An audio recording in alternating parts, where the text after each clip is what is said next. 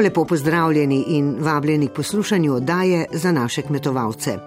Predstavili bomo dva pridelovalca špargljev v Vipavski dolini, olkarja, ki bo zasadil enega največjih olčnikov pri nas, ter projekt partnerstvo s kmetijami za varno, aktivno in vključujočo skupnost. Začenjamo pa z najbolj aktualno temo in sicer problematiko sezonske delovne sile v kmetijstvu.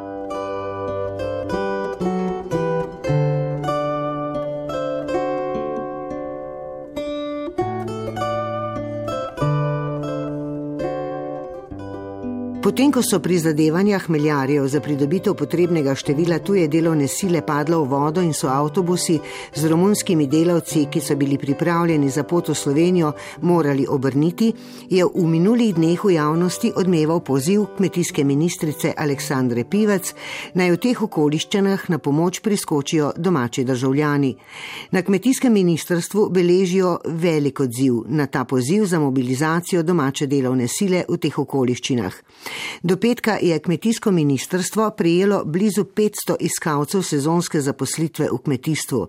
Med iskalci zaposlitve ni posebnih preferenc, večina bi rada delala v bližini svojega kraja zaposlitve.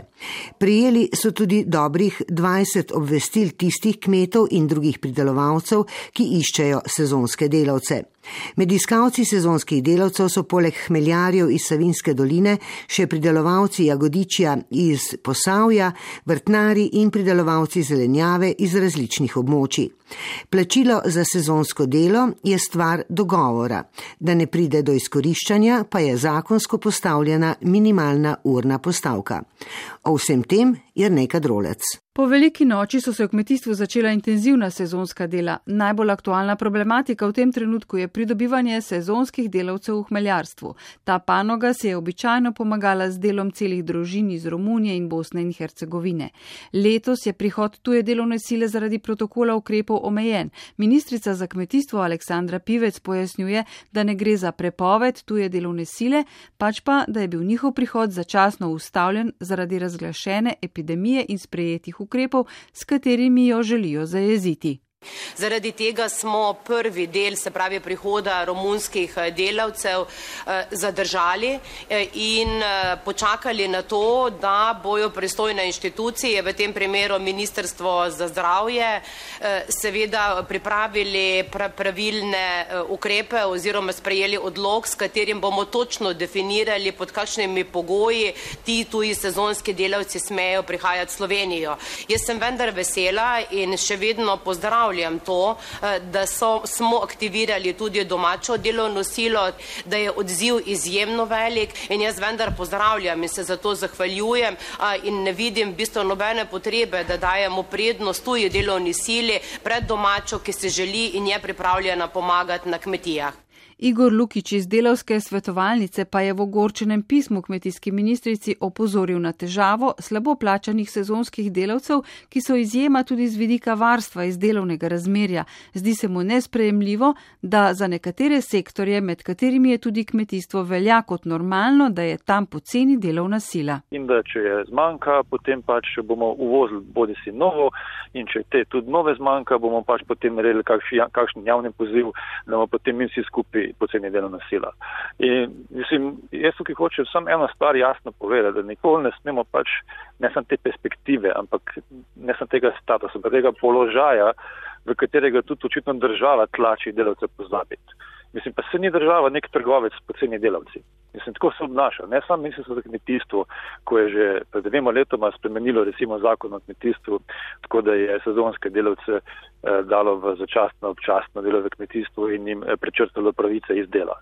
In jim tudi dalo recimo minimalno urno postavko, ki je, kako so jasni podatki, pod plačilno za minimalno plačo. Mislim, kaj to pove? Da bomo zdaj v bistvu imeli vse več sektorjev, ker je nekaj ne samo normalnega, ampak da si pričakuje, da bo pač stalno toliko pocen delavcev. Kmetijsko ministrstvo, ki je to akcijo spodbudilo, je svojo informacijsko točko v tem primeru zgolj posrednik oziroma koordinator med vsemi, ki delo potrebujejo in interesenti, pojasnjuje ministrica. V nadaljevanju bodo formalnosti pogodbenih razmeri in neposredne kontakte urejale pristojne institucije, Zavod za zaposlovanje in študentski centr.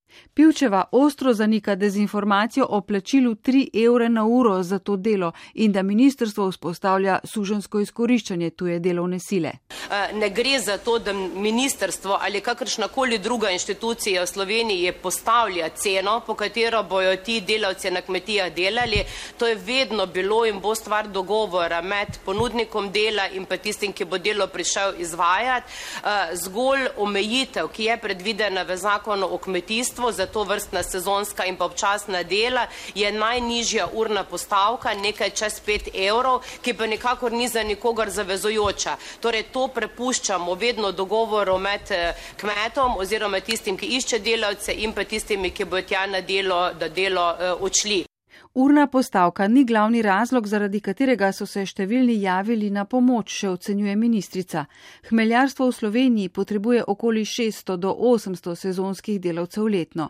V bojazni, da delo ne bo pravočasno opravljeno zaradi težav s sezonskimi delavci, se je Združenje Hmeljarjev Slovenije s pismom obrnilo tudi na predsednika vlade Jane Zajanšo s pozivom, naj jih v primeru zmanjšane proizvodnje in izpada dohodka v drugem proti korona paketu obravnava enako kot druge veje gospodarstva. V četrtek sem se pogovarjala z Janezom Osetom, predsednikom Združenja hmeljarjev, o tem, kakšno pomoč domače delovne sile so dobili v minulih dneh. Na naši kmetiji je 27 ljudi, med temi 27 je samo eden izbor za dela. Ostali so vsi ti, ki so drugače zaposleni. Zato rečemo, delali bojo tako dolgo, dokler ne bojo se njihove firme odprle, potem jih pa več ne bo, ker so tu dame, ki so zgojiteljice na, na, v vrtu v žalcu pa tako. Včeraj jih je bilo 34 in ker se pa eno drugemu, vsi so se praktično na moj naslov nekako obračali, ker je fant dal na, lepo na povabilo na Facebook, če bi kdo prišel in pri drugih je, je imel samo dva in ga je prišel gledati in smo mu jih dali sedem. Koliko pa plačate uh, trenutno te delavce, ker pravijo, to je stvar dogovora med uh, naročnikom? Tako, mi smo tem rekli, ko so prišli, če pogledajte, če imate 5 evrov neto na, na uro, eh, zadostno, verni rekel, eh, da eh, eh, se ne strinja s tem, tako da mislim, eh, pošteno bi bilo države, da nas pusti na mir, če so ti ljudje pršli, pa da se jim tudi ne bo, da še ne bojo udarili po nas z dodatnim. Eh, koliko pa ste sicer prejšnja leta plačevali to tujo delovno silo, ker se pa veliko govori tudi o treh evrih, treh evrih in pol, je to bilo pretekla leta? Ja, tri evre pa pol je bilo neto. Je neto in na tisto so dejatve. Za prvo fazo dela, to je napeljavo vrvic, so zadovoljni z domačo delovno silo. Za drugo fazo, navijanje mladih rastlinic na vodila, ki je težja, veliko je dela čepe in kleče, pa so v skrbeh, ali bodo ljudje, ki so se javili in tega dela niso vajeni zdržali. Zato še vedno upajo na izurjene romunske delavce, ki so tudi cenejši. Kot pravi, so prizadevanja v teku, da bi prišli, če tudi bi morali ostati v sedemdnevni karanteni.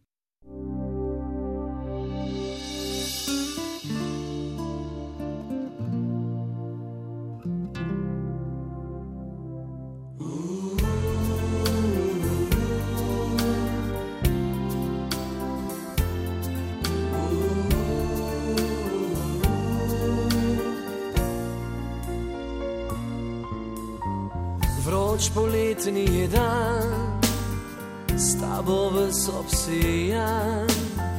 Tiho gledaš me, so za božja te vem, jutri bom sam. Sebi očem kot ti, iščem tvoje poti. Gledam te moče, zdaj prepozno je za drobne laži. Mi ljudje smo kot morje, strast valove budi. Žalost barvam zorje, to boli. Mi ljudje smo kot morje, ko srce vzvalovi. Vsak je sebi obzorje, vsak le zase živi.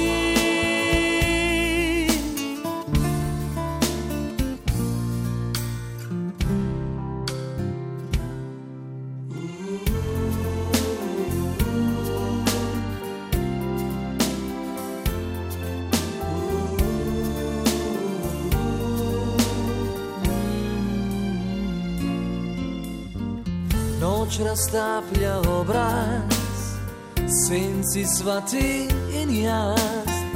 Ko nekdo kot ti sebe se boji, so ljubezen zgubi. V sebi očem kot ti, iščem tvoje poti. Gledam te molče, zdaj prepozno je za drobne laži. Mi ljudje smo kot morje, strast valove budi. Žalost barva obzorje, to boli. Mi ljudje smo kot morje, ko srce vzvalovi. Vsak je sebi obzorje, vsak le zase živi. Mi ljudje smo kot morje,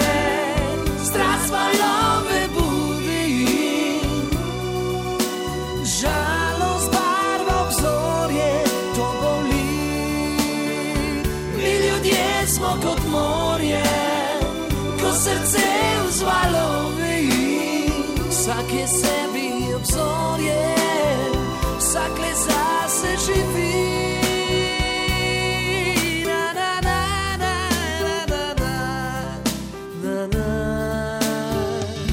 Milieu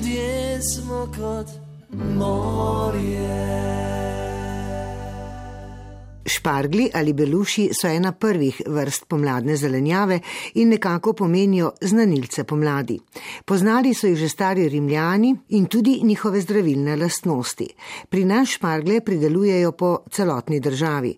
Poznamo zelene in bele, izjemno okusni pa so tudi divji špargli. Sezona se začenja nekako sredi aprila in traja približno dva meseca.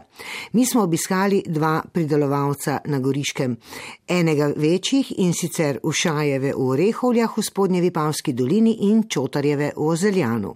Ušajevi se s pridelovanjem špargljev ukvarjajo že vrsto let, je povedal Kristjan. Ja, tako je. Mi se ukvarjamo že več generacij in sedaj to peljem tudi jaz naprej. Koliko imate teh nasadov špargljev? Trenutno naši nasadi obsegajo približno 7 hektarjev, tega je približno pol pol, pol zelenih in pol belih. Nekaj imamo tudi za vzorec eh, viola.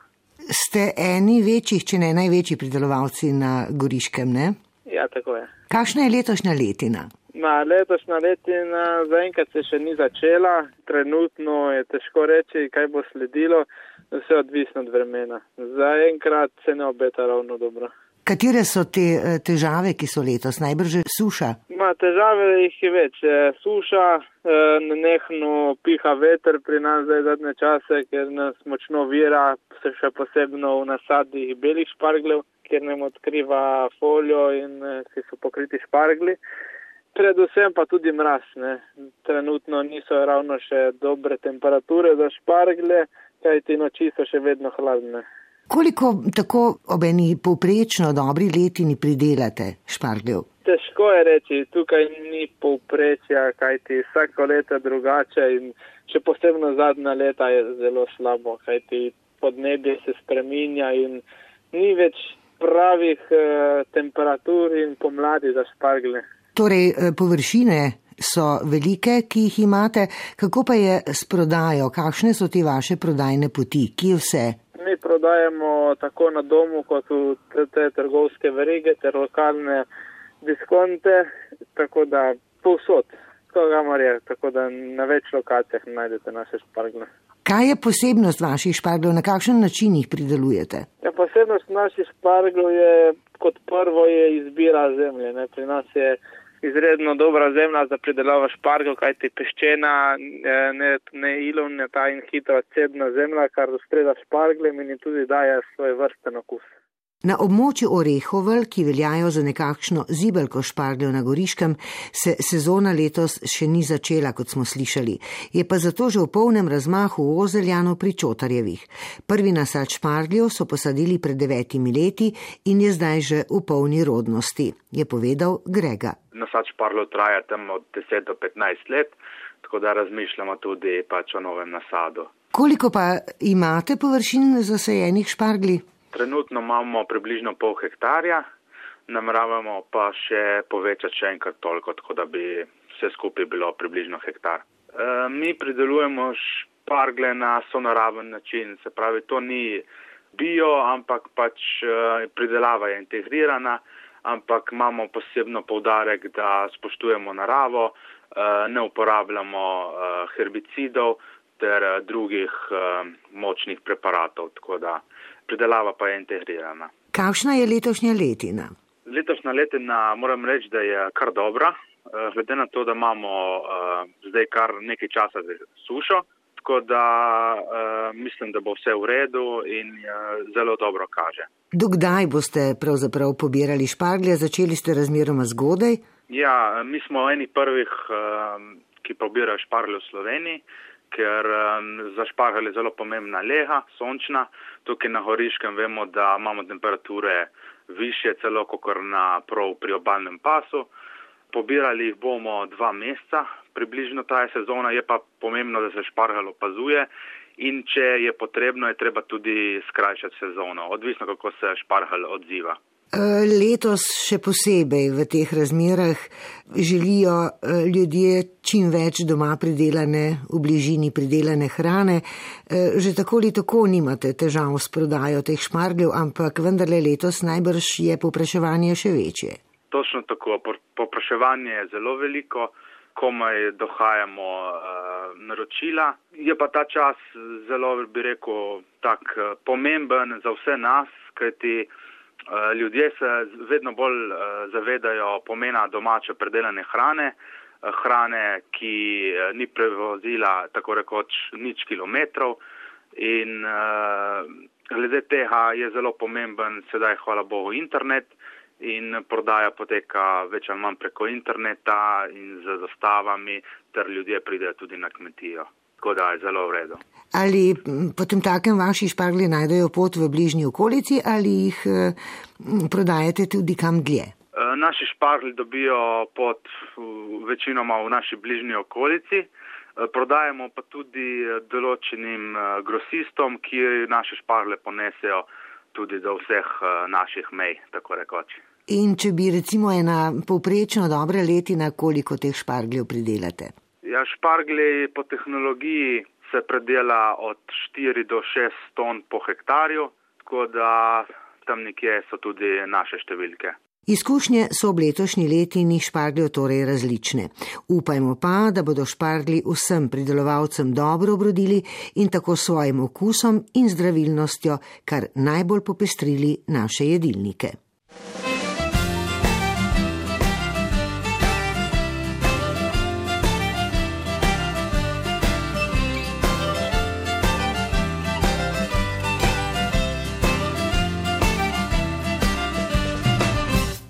Dajte, dajte, Boga ime, naši novici, kar gre. Dajte, dajte, Boga ime, naši novici, kar gre. Dali bomo, dali bomo, naši novici, kar gre. Dali bomo, dali bomo, naši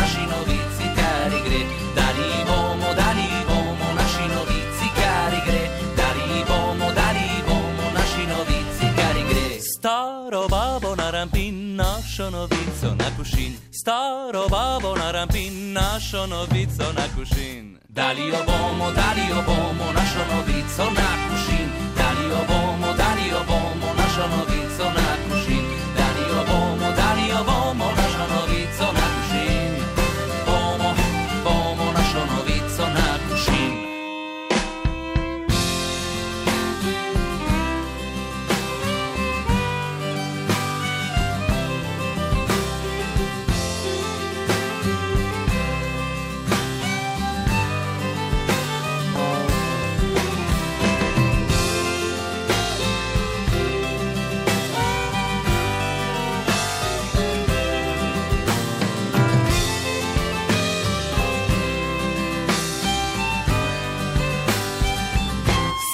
babi pet za vrat, naši novici prstan zlat. Stari babi pet za vrat, naši novici prstan zlat. Dali bomo, dali bomo, naši novici prstan zlat. Dali bomo, dali bomo, naši novici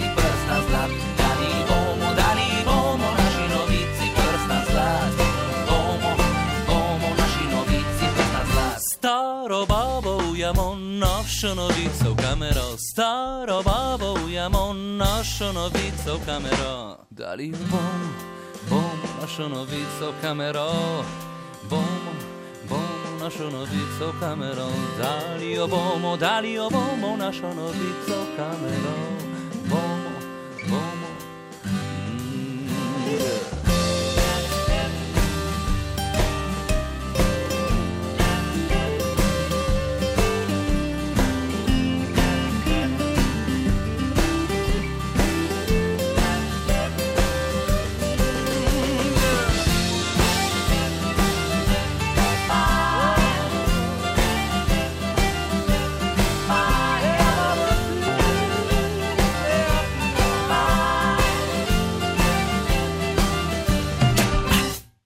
Zdaj pa se selimo v slovensko istro.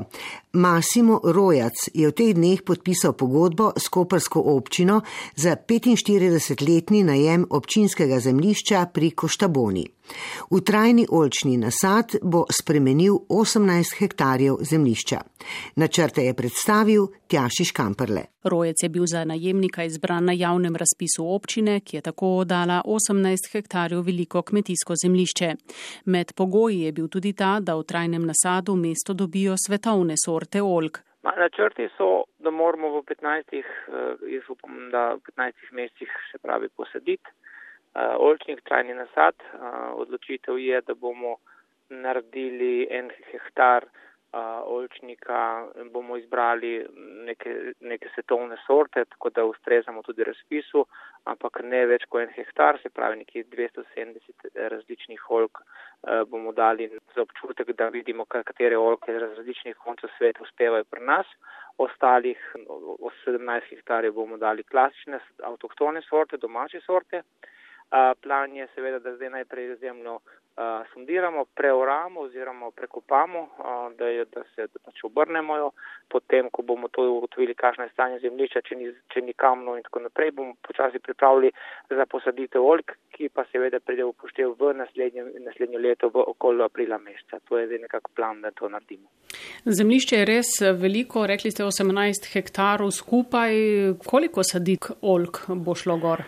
Glede na to, da, da bomo klasično sajenje naredili in to bo razdalja najmanj 7x7, predvidevamo med 3500 pa 4000 sadik. To je naš interes, zaradi tega, ker želimo, da je medvrstna razdalja čim večja.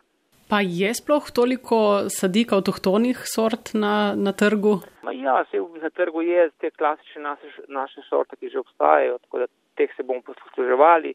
Ne bomo kaj posebno eksperimentirali z nekimi tujimi sortami, ki jih ne poznamo kot sem rekel, bomo probali samo uh, zgolj nujno potrebno, da, da maksimalno v enem hektarju probati tudi druge sorte, kako bi pri nas uspevali, seveda z pomočjo svetovalne službe, centra za okolkarstvo, to sorte še nismo izbrali, ker ne vemo, kakšna bo analiza zemlje, pa kaj bi bilo najboljše zadati, tako da to še v fazi študije. Jih boste zasadili tako, da bo možno tudi strojno obiranje?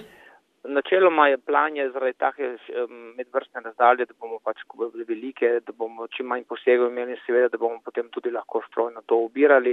V smislu strojno je to pomeni, da so različne oblike strojnega obiranja, ali bo to zdaj a, pač klasično tresenje v drevesa, ali pa kaj bo čez toliko let bomo že videli. Načeloma seveda se bo treba pomagati z nekimi mehanskimi strojnimi deli, ker je pač olčnik tako velik, da samo ročno delo ne bo dovolj. Kakšne bodo pa izobraževalne vsebine, ki bi jih lahko razvijali? To je bila tudi ena od točk v razpisu. Ma, izobraževalne vsebine jaz bolj strmim k temu, da bi seveda na, na tem želja, seveda, da bi na tem olčniku bil olčnik, načeloma bi bomo šli v ekološko in tudi v biodinamično kmetovanje, to je naša želja da na olčniku, ker je pač to monokultura, probamo še dati neke, neke življenje v ta olčnik z nekimi živali, z nekimi a, takimi zadevami, ki ne motijo rast trajnega nasada. In tam na tem področju oziroma na tej veliki posestvi je plan, da bi potem imeli izobraževanje, kar se tiče varstva oljk, oljk ali pa rastline, izobraževanje na področju različnih zelišč in tako naprej, ker jaz mislim, da lahko tudi pod lepo se upada kakšno zelišče pod oljke, dok so oljke še majhne, pa tam lahko najdemo neke, neke, neke izobraževalne zadeve. Šol in vrtce povabimo zraven k sodelovanju, da se pač tudi oni na terenu učijo. Tako da jaz, jaz to ta kompleks dojemam kot nek živ, živ obrat, ki ne bo samo olčnik, ker bo ta pač olčnik je predvsem monotorna stvar. Rojec zagotavlja, da se bo tudi pri uvozu sadik obrnil na stroko in inšpekcijske službe, saj se zaradi okuženih olk v Italiji zaveda nevarnosti. Tako da tle bo sigurno strokovna pomoč, pa tudi z inšpekcijo smo se že pogovarjali, ko bo ta uvoz, bom, bojo oni bili prisotni, da bojo vedeli, katere, katere sorte želimo seveda pripeljati da imajo licence proti tej bakteriji in da jih seveda lahko pripeljemo. Torej, nič ne bomo čez noč na pamet delali, ker ne vemo, kako se olka obnaša in je pre, preveč, prevelika investicija, da vlečemo kar neke olke, pa ne vemo, kako se bo obnašali, pa kako pa zakaj. Pogledi, draga ti, kaj je, da spet zari, kako ti skrtka spoznala sva se. Ankus je spet zapil, pa toku tam kuderu prva si abjela me. Uvada sva nahe pa an ribe futrala, dokler ni luna sjala na ban pod vejami vibe sva se ljubila, an zvezde gledala, dokler ni zadnja v jutru gasalna. Ljubezen lepa je, če dva si dasta vse, an ti si dala več, nikar bi til sej ni šlo brez skrbi, pa brez ta tomnih dni. Masku sem palete še rajši mil. Antko skrb življenje sva prhadila, da tu kodar sva zdaj, kako mi jadan druj harihtava. On če si slučajno pozabila, kako sem lepo prej, se lahko harna slik pa gledala. Poslušaj, draga ti, na brita fuzoni, le kdaj da leža čla bova medva sej ne da se mudi, no vse naj živali. On vem, da večna tu se živjet nada. Ta črna naj zemlje bo pa krila, on lune večna bom. An kadar kosna bo več pesmi pil mgłase się skłosbowa ljubila, an skrb šla har ne bo. Mor bi cvet Peter not naj bo vzel.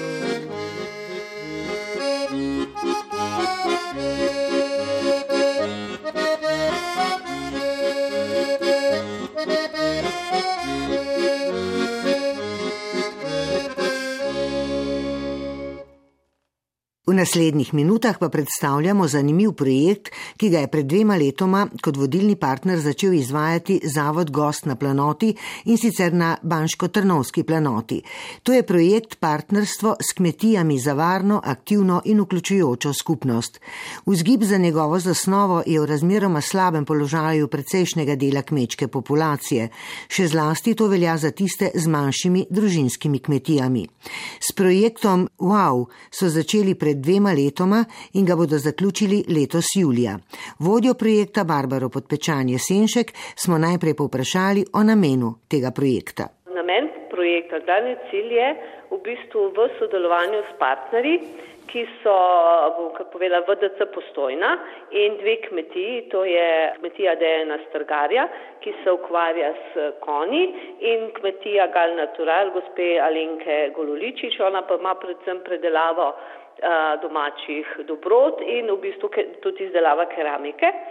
In glavni namen, kot sem rekla, je tema dvema kmetoma pomagati oblikovati nove nekmetijske programe, ki bi se lahko tudi mogoče naknadno v bistvu vrstili v dopolnilne dejavnosti tudi za druge kmetije. Kaj je vse tisto, kar vsebuje pravzaprav ta projekt? Kaj vse pripravljate? Rekli ste, kaj je namen, cilji, kaj vse vsebuje ta projekt? Kot prvo smo v bistvu mi ta projekt zastavili, da smo te naše partnerje izobrazili na področju različnih vsebin. Uh, nisem prej omenila, da, ne, da mi smo te programe, kot, kot sem omenila, ne kmetijske, pripravljamo za uh, ciljno skupino ljudi s posebnimi potrebami. To pomeni, da prvo, kot smo izobrazovali kmete, smo uh, jim dali osnovna znanja o različnih ciljnih skupinah.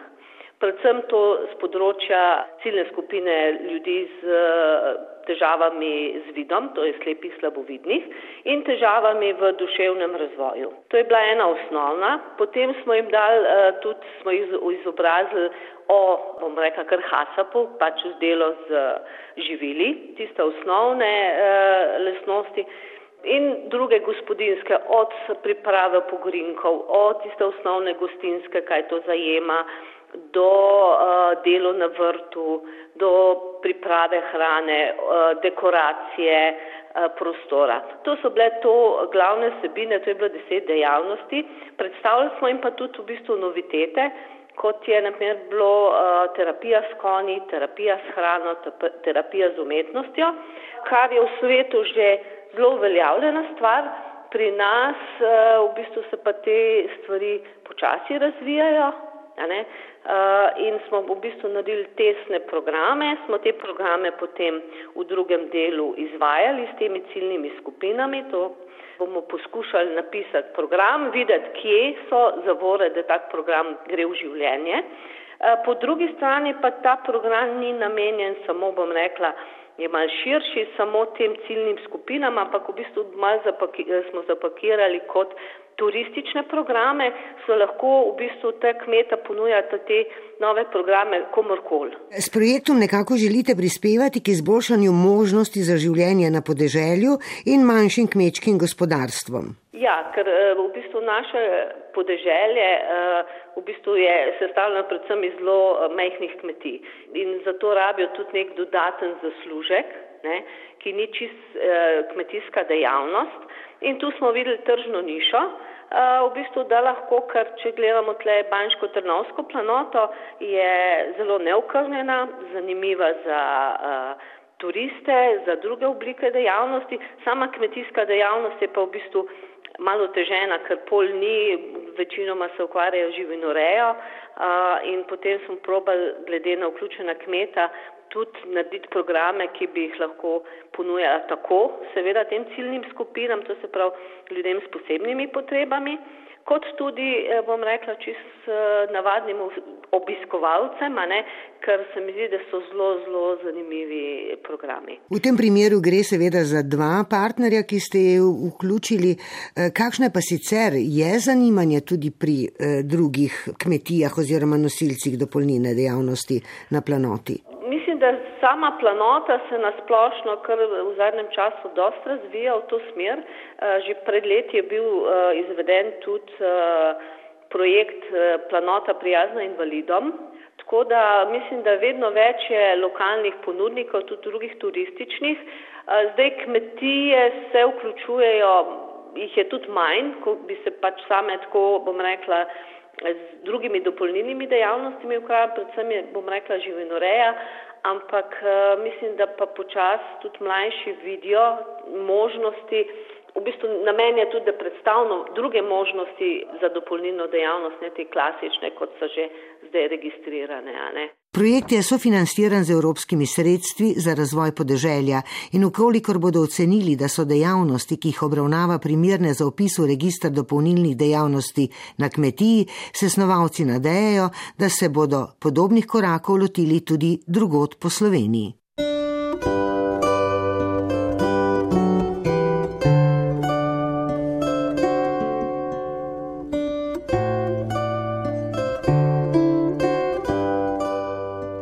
Tako smo zaokrožili današnjo oddajo.